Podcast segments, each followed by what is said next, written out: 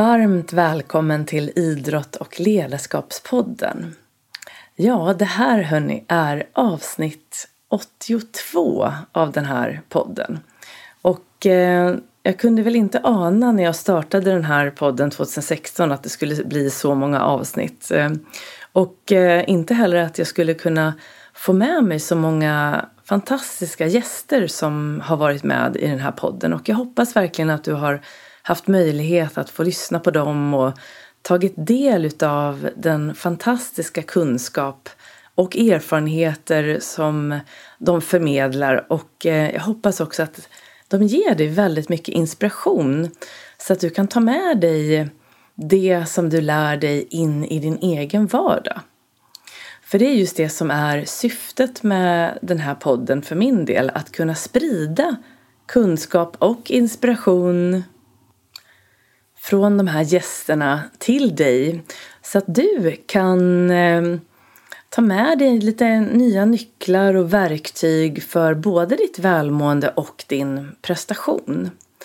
För att kunna just eh, prestera på topp och må bra på vägen är någonting som jag är helt övertygad om att vi alla kan lära oss. Och eh, just det här att eh, motsatsen då är ju då att vi presterar på topp men att vi ofta då kanske tappar välmåendet på vägen av olika anledningar. Men att just få med sig verktygen eh, så att du har med dig balansen här. Så mellan välmåendet och prestationen så är jag helt övertygad om att det faktiskt går och att till och med din prestation och din potential kommer att bli högre eller prestationen blir ännu bättre när du mår bra på vägen. Och i de här avsnitten då som jag pratar i, det är säsongstarten. Så att det här är då säsongstart av säsong 11. Och så brukar jag också göra ett avsnitt som säsongsavslutning. Och eh, då har jag oftast ett tema med som eh, känns aktuellt just eh, nu för något som jag har stött på då hos mina elever i min vardag men också lite grann i samhället. Och idag funderade jag varken, eller många veckor här har jag funderat på vad jag skulle starta med för tema till den här säsongen. Och jag har vandrat mellan lite olika ämnen. Och det har varit eh, som sagt flera olika så jag tror att den här säsongen kommer jag nog ha ett litet avsnitt mitt i säsongen också där jag tar upp ett av de här ämnena eftersom det var lite svårt att välja. Men en sak som jag har insett att jag har missat lite grann vad gäller just eh, grunderna i mental träning och vad gäller de teman som jag hittills har haft med och pratat om så har jag faktiskt inte haft ett avsnitt som handlar om den första grunden för att bygga en mental styrka. Och det är din förmåga att reglera din spänningsnivå. Alltså avspänningsträning och mental, eller mental och muskulär avspänningsträning kan man säga. Och grunderna då som jag pratar om, de har utvecklats eh, sedan 20-talet skulle man nog kunna säga. Men eh, det var då framförallt i USA och eh, utomlands. Men i Sverige då sedan 60-talet så har man då utvecklat de här grunderna med eh, hänsyn till vad som egentligen gör en människa framgångsrik. Där hon eller han har en inre och en yttre framgång. Så att syftet med framgångsfaktorerna var alltså att hitta just några faktorer som var gemensamma nämnare för personer som helt enkelt mår och fungerar på topp. Och eh, då har man ju då upptäckt och eh, lagt, eh, vad ska man säga, hittat då genom då alla de här studierna och forskningen som har gjorts på flera tusentals människor så har man sett att det finns just de här gemensamma nämnarna. nämnarna. Och jag har pratat om nummer två och nummer tre i den här podden och det är självbildsträning och målbildsträning. Och de hittar du då i tidigare avsnitt här i podden. Men du har inte fått lyssna till den första i alla fall inte så specifikt, även om jag ofta kommer in på det så tänkte jag i alla fall eh, fokusera på det i det här avsnittet eftersom det är så otroligt viktigt. Och en annan anledning att jag ville fokusera på just den här första delen idag, alltså att eh, förmedla kunskap och även då lite verktyg för att du ska kunna börja reglera din stressnivå eller spänningsnivå i din vardag. Det är för att jag tycker att jag upplever att eh, rädsla sprids mer och mer i samhället och eh, inte bara via nyheterna, där är vi ju vana att bli triggade av rädsla, men också sådär i samhället, hur vi pratar med varandra på middagar och när vi pratar med varandra i, ja, i mataffären kanske. Och eh, jag tycker att det blir ofta diskussioner som som speglar lite samhället eh, idag vad gäller just eh, hur vi ser på omvärlden och hur vi ser på våran närvärld eller vårt närområde. Och eh, rädsla är ju någonting som är väldigt, väldigt farligt att hamna i och det vet vi ju sedan historien när ledare som Hitler och andra hemska ledare har liksom anspelat på rädsla och försökt styra folk genom att förmedla väldigt, väldigt starka rädslor. Eh, och vi vill ju inte såklart hamna där igen och jag tror att vi är mycket klokare idag än vad vi var då.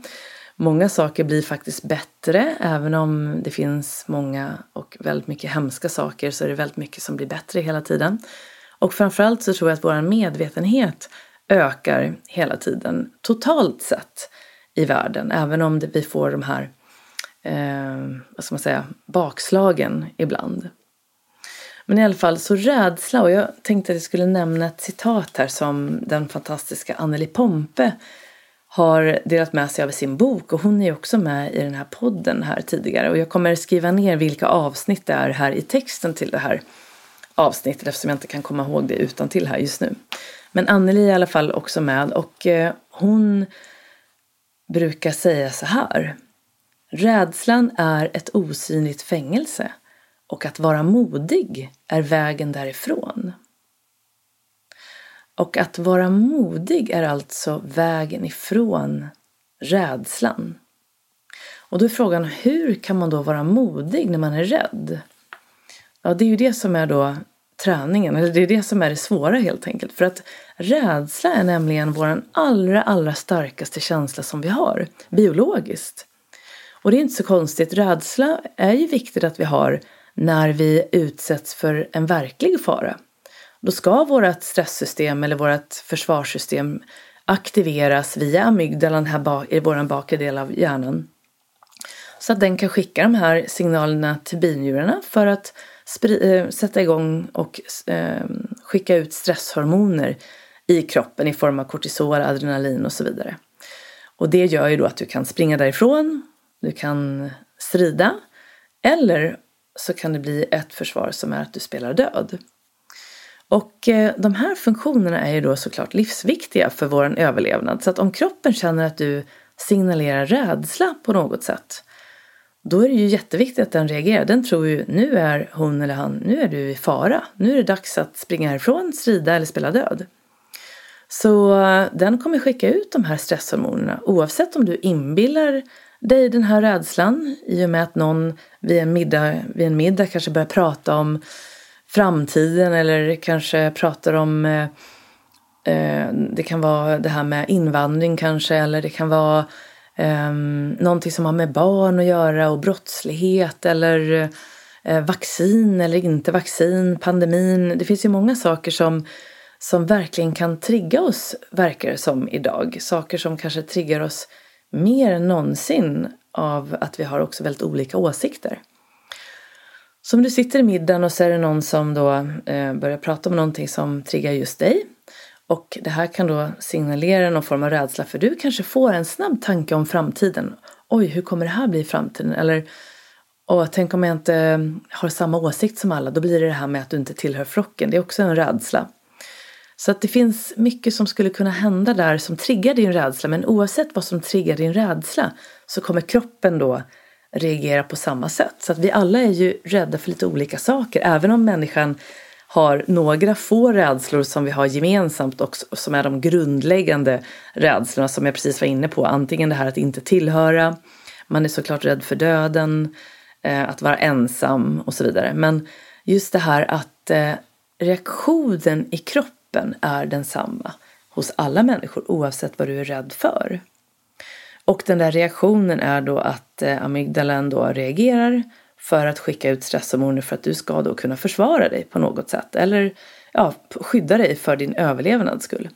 Men kroppen, så kroppen kan ju alltså inte höra vad du säger. Den förstår inte om det här är någonting som ni bara pratar om på en middag eller något som du sitter och tänker på när du ser på nyheterna eller något som du börjar tänka på när du sitter på tunnelbanan eller när du cyklar till jobbet för att du råkar se någonting på vägen eller så. Så att allt det här, även de här små, små, små triggers eller de här reaktionerna som du signalerar till kroppen som bara är tankar eh, kommer då att få kroppen att reagera.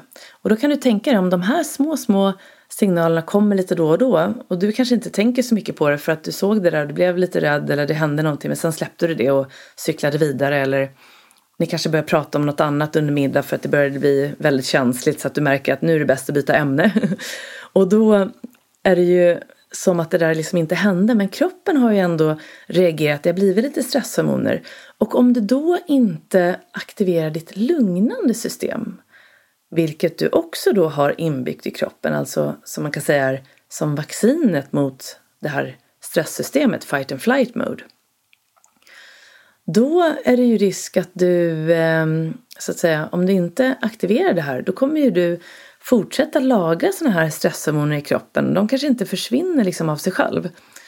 Om det är en riktig rädsla så brukar man ju då kanske Tanken är ju att du ska springa eller strida eller göra någonting av de här stresshormonerna. Det är ju därför de kommer. Men om det är inbillad rädsla så kanske du inte gör någonting av det utan du sitter kvar lugnt och stilla. Eller liksom ja, byter ämne och, och så vidare. Och då är det ju risk att det här då fastnar och skapar lite onödiga spänningar i kroppen. Och eh, om det här då lagras på lite i taget när du då kommer hem sen på kvällen eh, kanske ska gå och lägga dig och sova och då har du ju ingenting att göra längre. Det finns ingenting annat att fokusera på.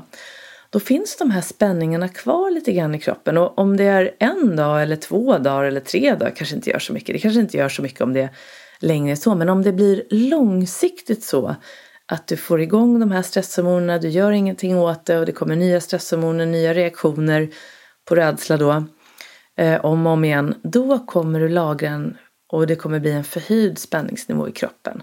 Och till slut kan man då få svårt att somna på kvällen. Eh, du har svårt att kanske hantera olika problem som dyker upp. Du blir väldigt lättirriterad. Det blir kanske lite svårare att hitta en lösning. Det blir svårare att vara tolerant mot andra människor. Som sagt, man blir mer lättirriterad. Så att, eh, och det här vet vi ju om nu för tiden att det här är ju signaler på stress, eller hur? Men då tänker jag så här att om vi kan bli mästare på att aktivera vårt lugnande system, vilket då är den första grunden i att bygga en mental styrka från grunden. Att du helt enkelt blir riktigt vass på att reglera din spänningsnivå så att du kan aktivera ditt lugnande system när du behöver.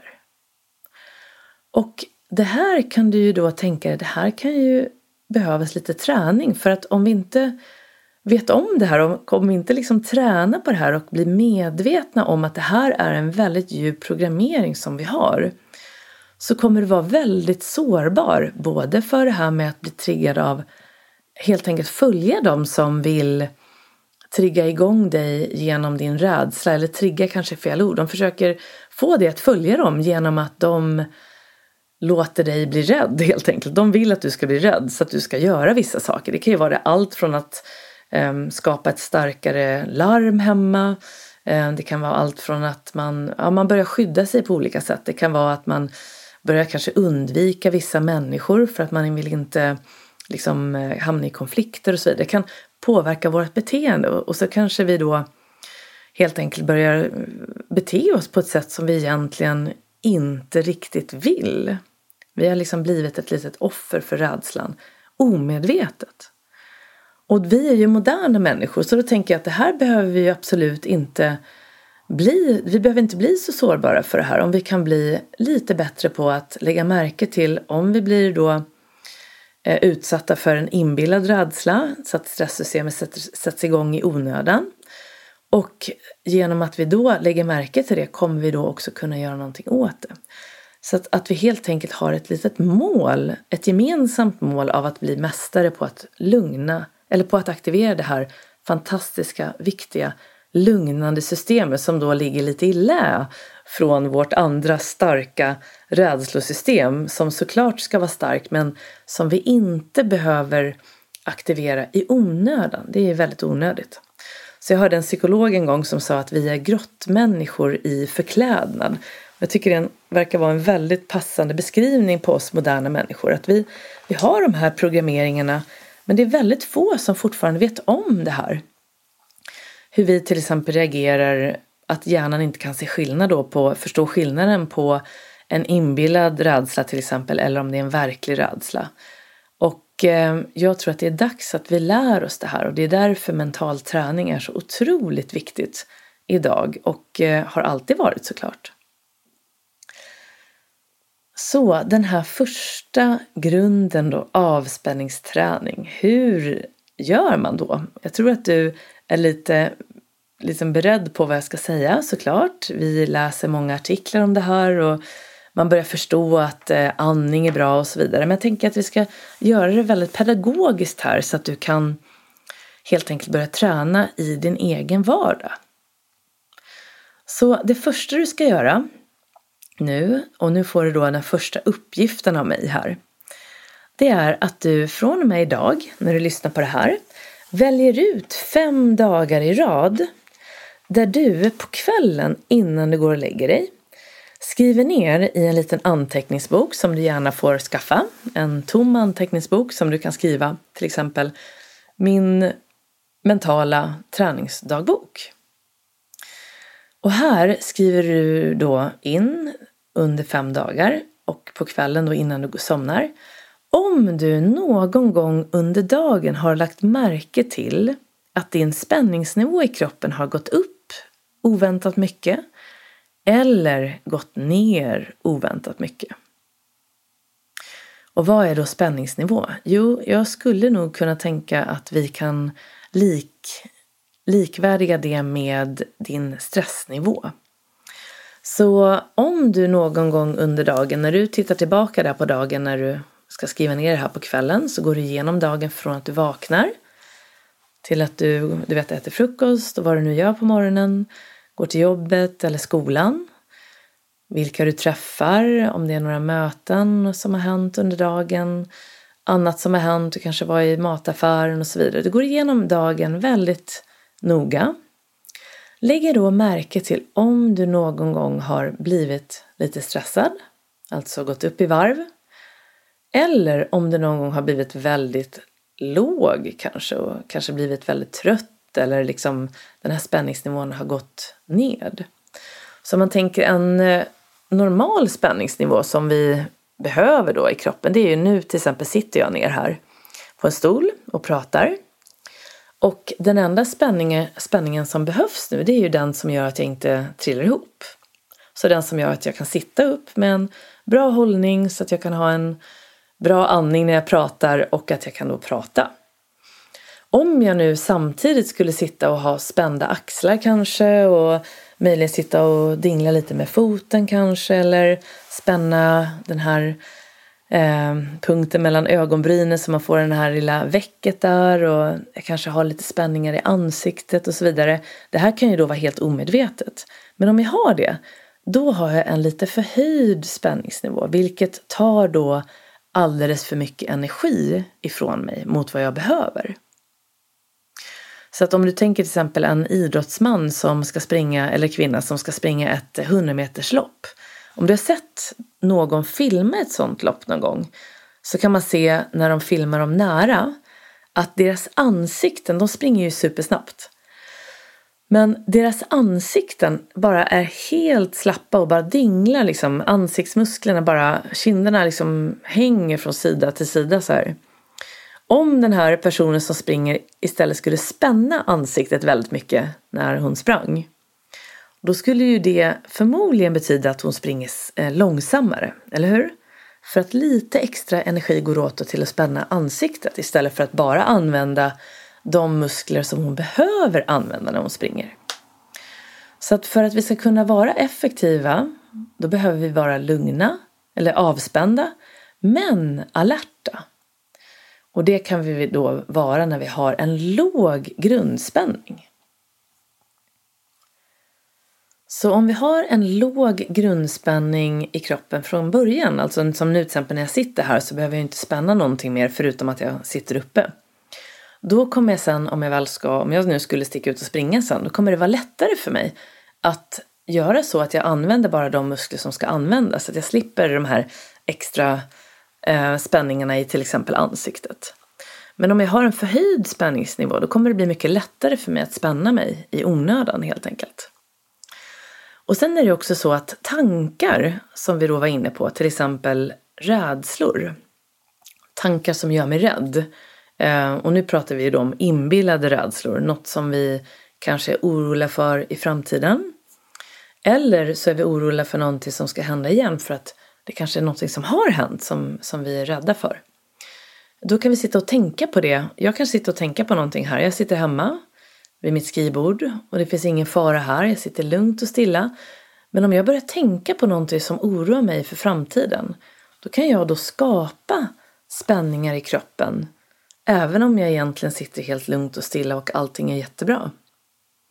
Och då har jag då så att säga ökat spänningsnivån i min kropp för att kroppen som sagt börjar tro att jag är i fara så den börjar skicka ut stresshormoner och det är det som gör då att spänningen höjs. Så det vi vill göra då under de här fem dagarna det är att helt enkelt börja notera om den här spänningsnivån i din kropp har gått upp eller gått ner. Och så skriver du också ner vad som hände. Alltså vad var det som du reagerade på? Det kan ju hända att det var en verklig någonting som hände som du alltså behövde vara rädd för. Det får vi hoppas att det, att det var ingenting som var farligt i så fall. Men eh, ibland kan det ju vara faror som händer. Till exempel man är på väg att gå ut för gatan och det kommer en bil som man inte såg. Då är det ju väldigt viktigt att du blixtsnabbt reagerar och tar tillbaka foten och klarar dig så att säga. Och det där är ju också rädslosystemet som sätter igång. Så det kan ju vara verkliga saker som händer och då skriver du ner det också.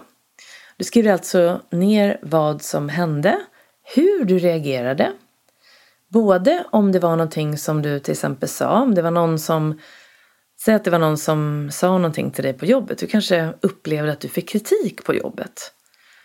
Och började ta det personligt som är väldigt lätt att göra när man får en negativ kritik. Då är det perfekt för en sån här uppgift. Du skriver ner vad var det som hände? Någon gav dig någon form av negativ kritik. Hur reagerade du? Alltså hur kändes det i kroppen? Fick du tryck över bröstet? Hade du, fick du ont i magen? Fick du ont i halsen? Det är områden som gärna kan bli spända av sådana händelser. Kanske fick du ont i huvudet, blev spänd i pannan. Kanske sa du någonting som du eh, kanske ångrar eller så sa du något som du tyckte var bra oavsett. Du kanske sa någonting eller så var du tyst och sa ingenting. Så nu skriver du alltså bara ner. Du noterar, reflekterar, skriver ner så detaljerat du kan. Och det är viktigt det här med hur kroppen reagerar så att du börjar helt enkelt bli medveten om att det finns en relation mellan det som händer, det som du tänker och att kroppen samtidigt reagerar. I början om du inte är van med det här så kan det vara lite svårt. Du kanske inte lägger märke till någonting. Men om du gör det här i fem dagar och noggrant försöker gå igenom dagen på kvällen innan du somnar. Då tror jag att du kommer att lära dig och förstå hur just din kropp reagerar i de här situationerna. Och förmodligen kommer det vara ungefär likadant. Nu har vi pratat om eh, det som är det vanligaste, att vår spänningsnivå går upp. Men det kan ju också vara att du reagerar genom att du blir låg och kanske väldigt trött eller känner att du ger upp en uppgift eller någonting. Det är också en avvikelse. Men då har då spänningsnivån istället gått ner.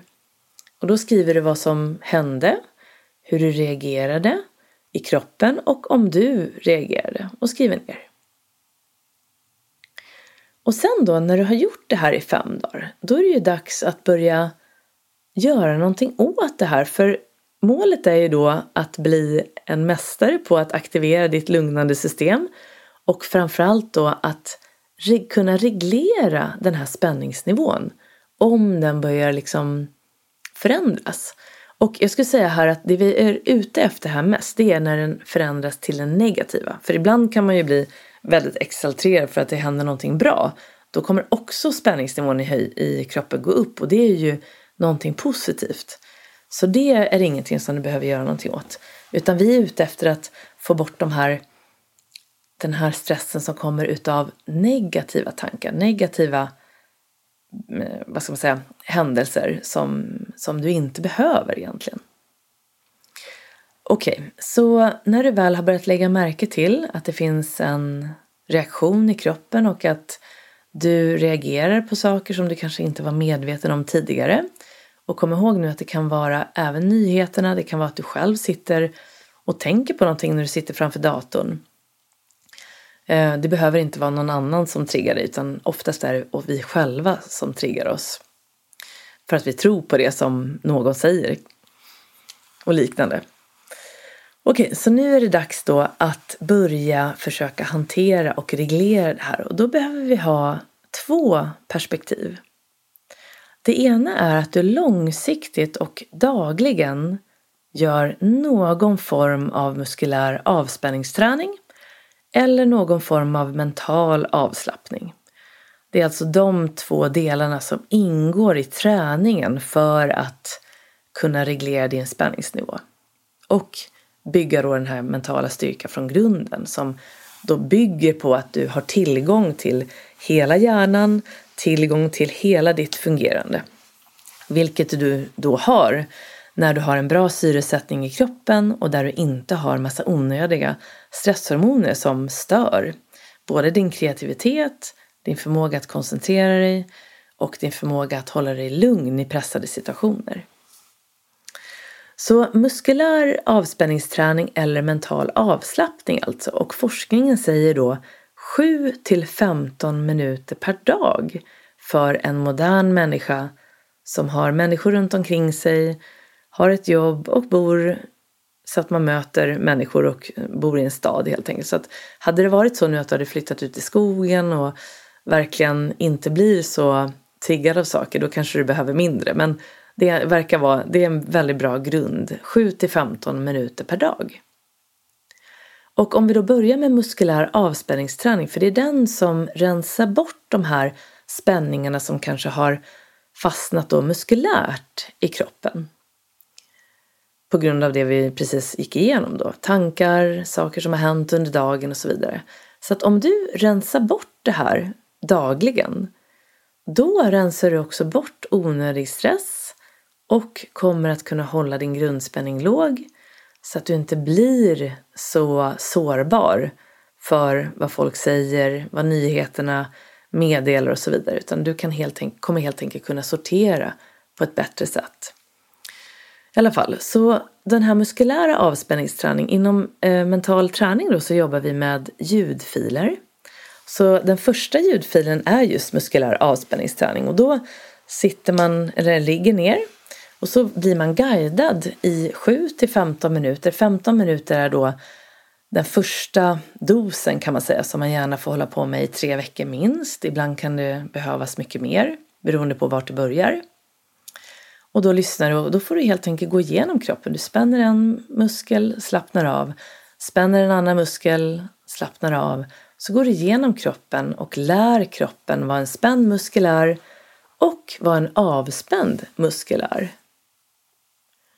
Och det är helt enkelt ett sätt att lära kroppen förstå att det här är en spänd muskel men det här är en avspänd muskel. Så att inte kroppen helt enkelt, den förstår helt enkelt att den inte ska gå till exempel och hålla uppe axlarna bara för att, ja, bara för att du, den tror att du är stressad. Utan att de kan få slappna av. Så axlarna är det första området som faktiskt blir spänt när vi upplever stress och speciellt långsiktigt då. Så muskulär avspänningsträning enligt den mentala träningen är ljudfil. Du kan också göra muskulär avspänningsträning på andra sätt. Det finns ju yoga. Här jobbar jag själv då med medicinsk yoga och det är verkligen, verkligen bra för både den här muskulära avspänningsträningen och den mentala avslappningen.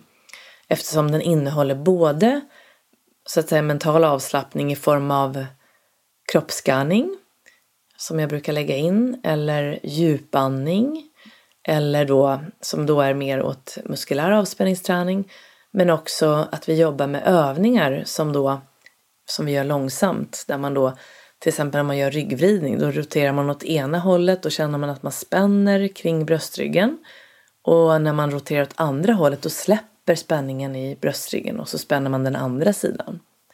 Så man rensar bort spänningar helt enkelt i områden som gärna blir spända. Så att eh, om du vill vara med på mina medicinska yogapass så kommer jag lägga in här i texten också eh, länken till den här Facebookgruppen som heter Stolt, stark och säker där du kan få vara med då på ett sånt här livestreamat yogapass en gång i veckan. Och passet ligger sen kvar då från onsdag kväll till söndag kväll. Så du har nästan, vad blir det, torsdag, fredag, lördag, sen fyra dagar på dig att göra passet. Och det kostar 50 kronor per gång. Eller så kan man betala terminskort. Så det är en väldigt, väldigt, eh, väldigt fantastiskt verktyg för muskulär avspänningsträning och för den mentala avslappningen som är då, ingår också i den första grunden av mental träning. Så varmt välkommen dit om du vill använda yogan i det här. Men annars är det då ljudfiler och jag har de här ljudfilerna och de flesta mentala tränare har sådana här ljudfiler. Lars-Erik Unestål som grundade mental träning har också de här ljudfilerna. De finns i hans app som heter Mental Training. Igor Ardoris har de i sin app Stark på insidan. Och Jamina Enedal som också är med här i podden och det är ju Igor och Lars-Erik också. Eh, hon har en app som heter Mind Progress. Och om du vill ha min röst så får man höra av sig. Jag har ingen app än utan man eh, helt enkelt eh, får dem via mail så då får du en fil. Och så på så vis då så kan du lyssna på den när du vill. Så det är ju en form av muskulär avspänningsträning. Så tanken med den, eller med yogan, det är att du gör då det här dagligen. Och den första dosen för att få ner din grundspänning det är att göra det här då i tre veckor i rad. Minst fem dagar per vecka. För att du ska få effekt. Så att om du börjar, håller på en vecka och sen så gör ett uppehåll på mer än två dagar då, då får du börja om igen. Så att du behöver ha det sammanhängande den här första perioden. Och som sagt, tre veckor det är ett ganska, en ganska liten dos. Så att tre veckor upp till sex veckor kan vara en bra start. Och ibland, om du känner när du hör mig prata nu att din spänningsnivå är väldigt hög, du kanske har svårt att sitta still och du har haft väldigt mycket på jobbet under en lång period. Du kanske har barn hemma, svårt att lugna ner, svårt att hitta tid för återhämtning. Då kan det vara väldigt bra att tänka att det här kanske du får göra i några månader för att ge dig själv då den här rimliga chansen till att få ner din grundspänning till en låg nivå igen. Så muskulär avspänningsträning finns i olika former. Det här var några. Väldigt, väldigt viktigt att börja med det för att sen då kan du, när du börjar lägga märke till att din spänningsnivå går upp under dagen, du har ju lagt märke till vilka situationer som triggar dig, då så kan du börja använda sådana här små quick fix för att reglera den när det väl händer. Så jag tänkte gå igenom de här quick fixen, några stycken av dem. Och blir du nyfiken på att veta mer om dem så finns de i min bok Stolt, stark och säker. Och framför allt finns de i min workbook som jag nu har gjort som är en förlängning av den här boken Stolt, stark och säker som då är riktade till golfare. Den här workbooken finns både för ledare, den finns för ungdomar, den finns för golfare och den finns för idrottare. Och där har jag då anpassat övningar för eh, den inriktning som, som man då har. Och det är bara mental träning som finns i den här workbooken och alla de här övningarna då som jag har byggt på efter att jag skrev boken och det, den skrev jag då 2018. Så där finns det en hel del mer och framförallt de här quick fixen då och eh, även de här vardagsövningarna då, som jag precis nämnde, de här att eh, då i fem dagar börja notera din spänningsnivå. Men så jag tänker nu att du ska få göra några av de här quick fixen som du sen då kan få välja att eh, göra. Du väljer någon av dem för att reglera din spänningsnivå när du då blir triggad under dagen. Så om du nu då hittar en liten bekväm hållning, du får gärna ha fötterna på marken, får lägga händerna på knäna med handflatorna neråt och så hittar du då en alert hållning som om någon drar dig uppåt i håret samtidigt som axlarna är avspända. Så nu sätter jag mig också här lite till rätta så att du får en avspänd men alert hållning helt enkelt. Så kan du sluta ögonen och så kan du få börja andas in och ut genom näsan. Och så kan du då börja rikta uppmärksamheten till den här inre miljön, alltså landa lite i dig själv. Det här kan du då få göra genom att först känna fötterna som vilar mot marken. Händerna som vilar på knäna eller på benen. Och du kan känna att axlarna sjunker ner mer och mer med varje utandning. Musklerna kring ögonen slappnar av. Pannan är slät. Så att bara sätta dig så här, släppa penna, släppa datorn.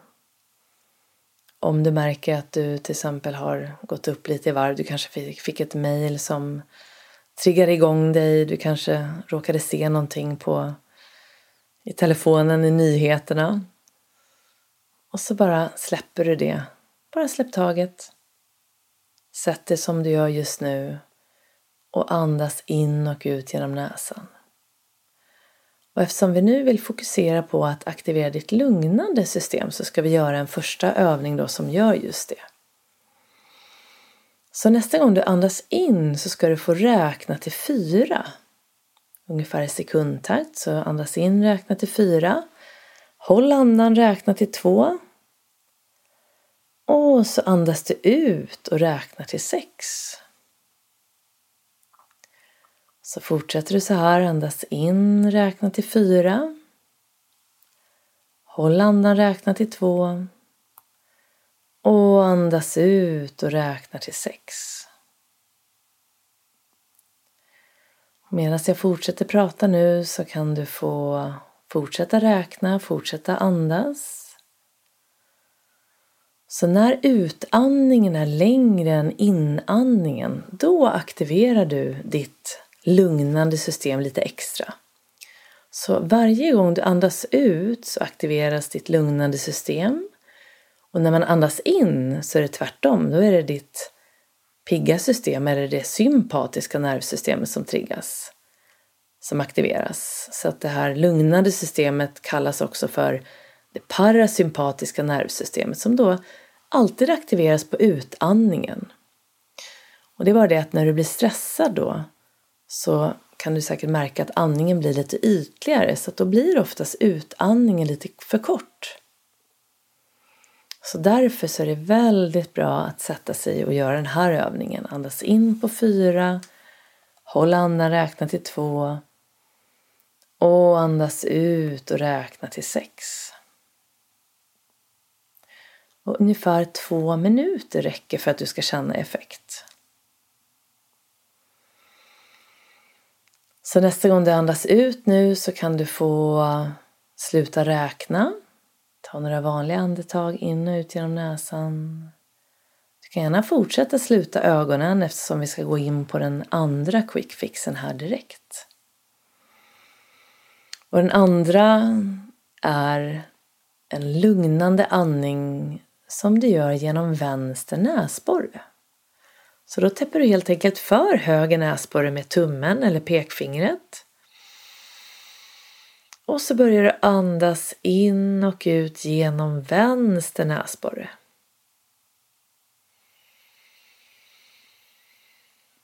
Och här har man då sett inom yogan i många, många hundra år, säkert tusen år, Men forskningen har ju nu börjat komma ifatt så att på Stanford University för ungefär två eller tre år sedan så gjorde man en jättestor studie på det här med näsandning kontra munandning. Och då kunde man se att när man andas bara genom vänster näsborre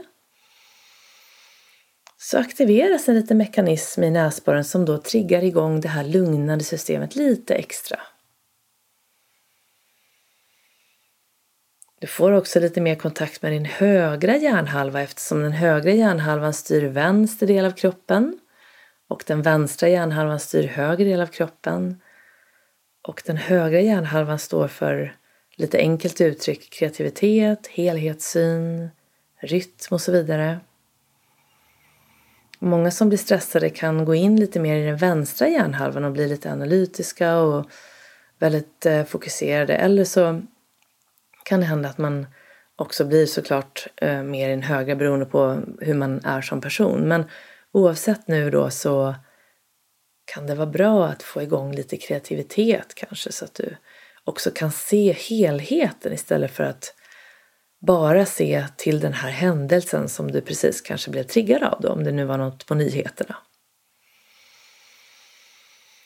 Så bara för att en dålig nyhet kommer så betyder inte det att hela världen ser ut på det sättet utan det finns väldigt mycket gott som händer hela, hela tiden i världen. Och så gör du så här en till tre minuter för att också då aktivera ditt lugnande system. Och där kan du få släppa handen, lägg ner den på knäna eller på benen igen, handflatan neråt. Och bara andas en liten stund genom båda näsborrarna. Och så kan du få öppna ögonen igen.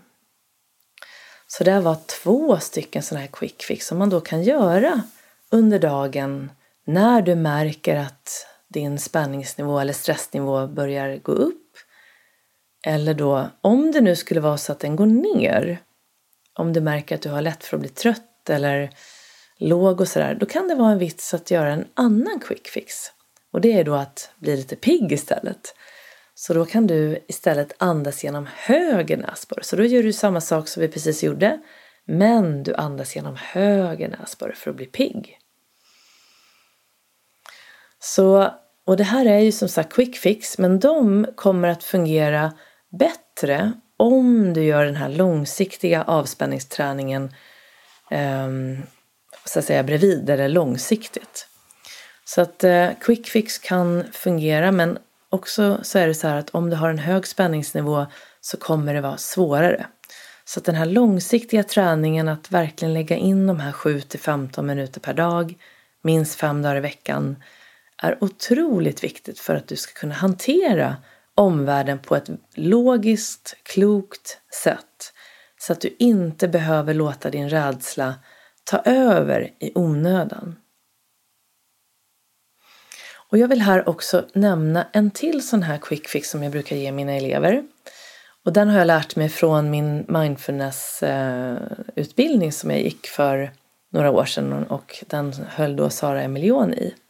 Och då kom jag ihåg att när jag gick till en samtalsterapeut då för många, många år sedan, mycket tidigare än jag gick den här mindfulness-utbildningen. Då kommer jag ihåg att hon sa det, hon nämnde den här modellen för mig. Men av någon anledning så var jag inte mottaglig då så att så som jag ser den här modellen idag, det förstod inte jag då när jag var hos den där samtalsterapeuten. Så att alla de här sakerna handlar ju om hur mottaglig du är. Men min absolut högsta rekommendation och som jag då i, mitt eget, i mitt eget, min egen vardag inte visste när jag träffade den här samtalsterapeuten. Det var det här med att grundspänningen, hålla nere den genom de här 7-15 minuter per dag.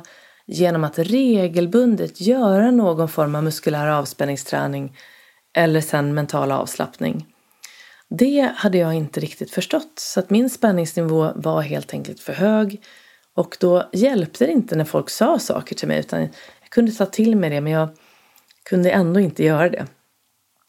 Så att när du gör de här, om du försöker få in lite grann av den här avspänningsträningen varje dag långsiktigt, då kommer du också kunna ta del av de här quick fixen mycket, mycket bättre.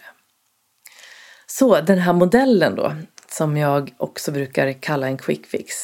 Det är någonting som du också använder när något oväntat händer. Och kom ihåg att det är träning. Så att det kommer inte gå från en dag till nästa att lära sig det här. Men träningen, eller modellen heter då S-O-A-S och sen kommer ett A på slutet igen. Och när jag lärde mig det här då är det där A inom parentes. Men ju mer jag håller på med den här modellen desto mer tycker jag att det där A är ju väldigt, väldigt viktigt också. Så att numera så ser min modell ut så här, SOASA heter den helt enkelt.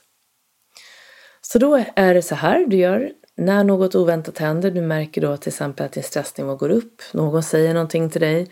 Du ser något på nyheterna. Du sitter på den här middagen och någon börjar prata om att de inte har tagit vaccin eller att de mm, blir irriterade på sådana som inte tar och så vidare. Vad det nu än är. Du blir triggad. Och då står S för stanna upp. O står för observera. Alltså att du reagerar, vad som händer. Sen kommer A acceptera. Acceptera att du blir arg, du kanske blir irriterad, du kanske blir ledsen, du kanske blir orolig, vad det än är. Allt du känner. Bara fullt 100% acceptans.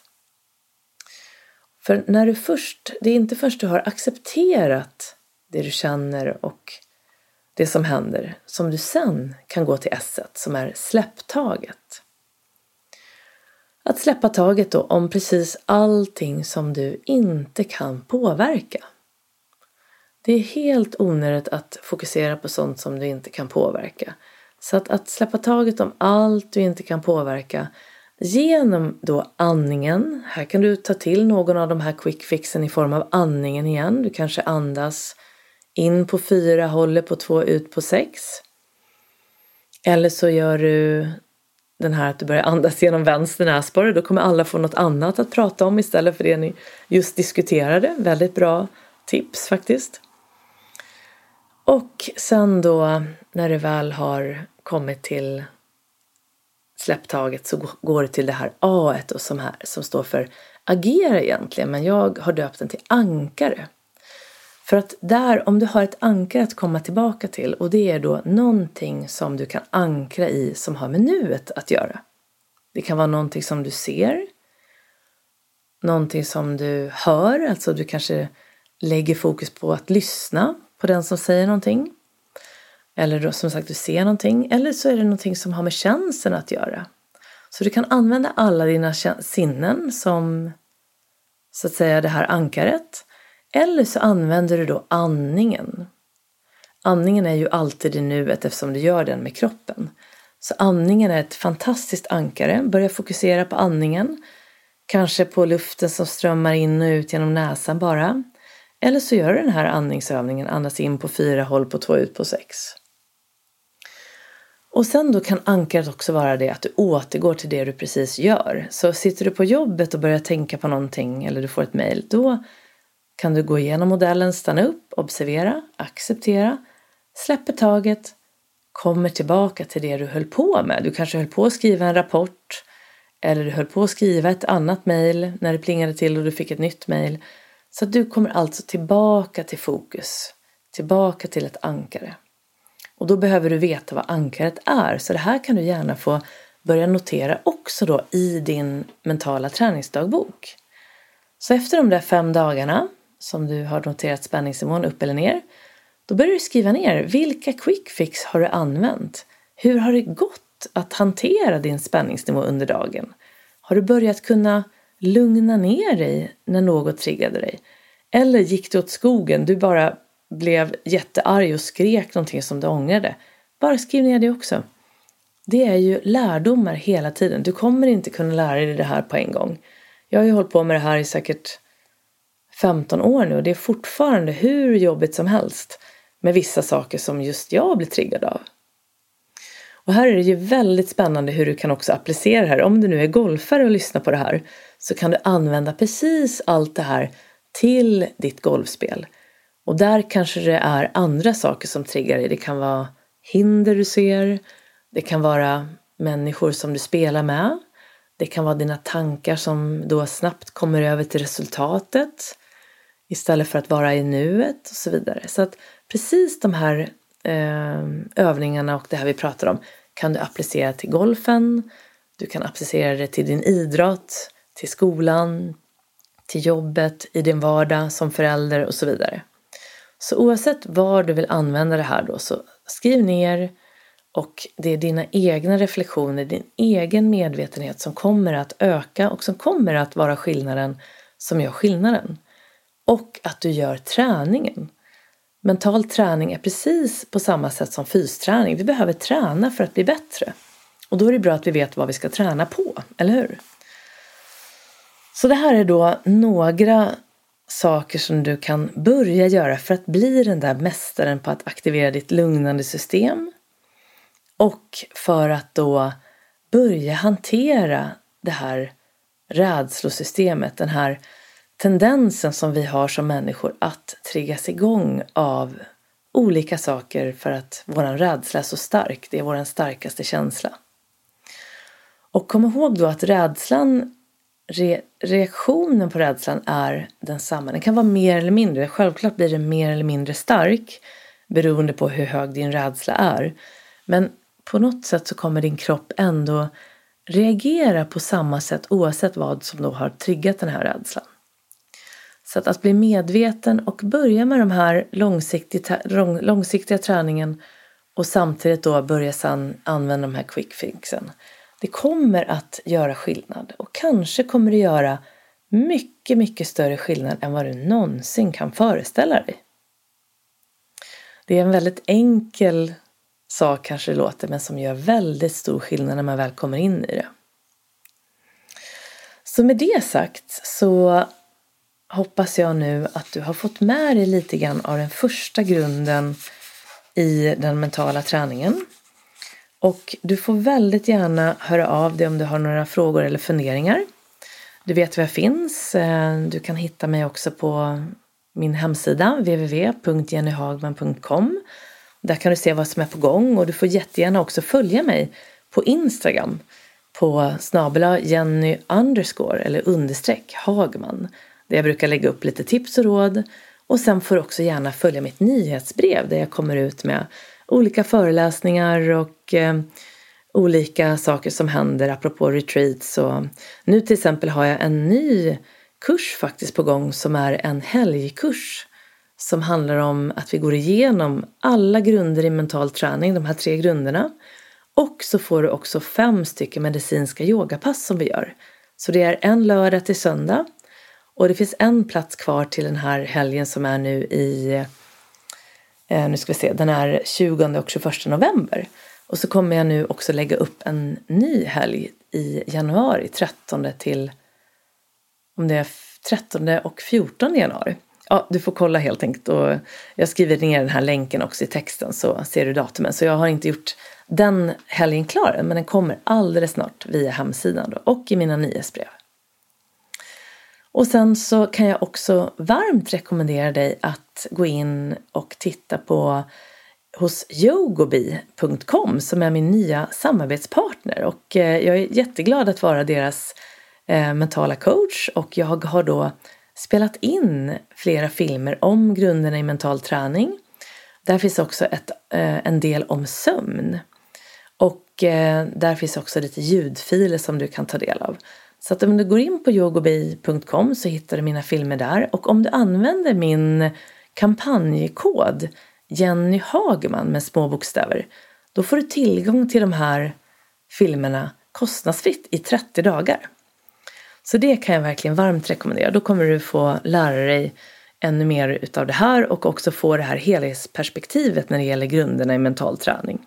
Så nu vill jag önska dig en fortsatt härlig dag eller kväll. Och så önskar jag dig också en riktigt härlig säsong 11 och jag hoppas att du kommer att följa med på alla avsnitt här. Där du då kommer att få träffa allt ifrån en sömnspecialist till en konstnär och en bryggerikung.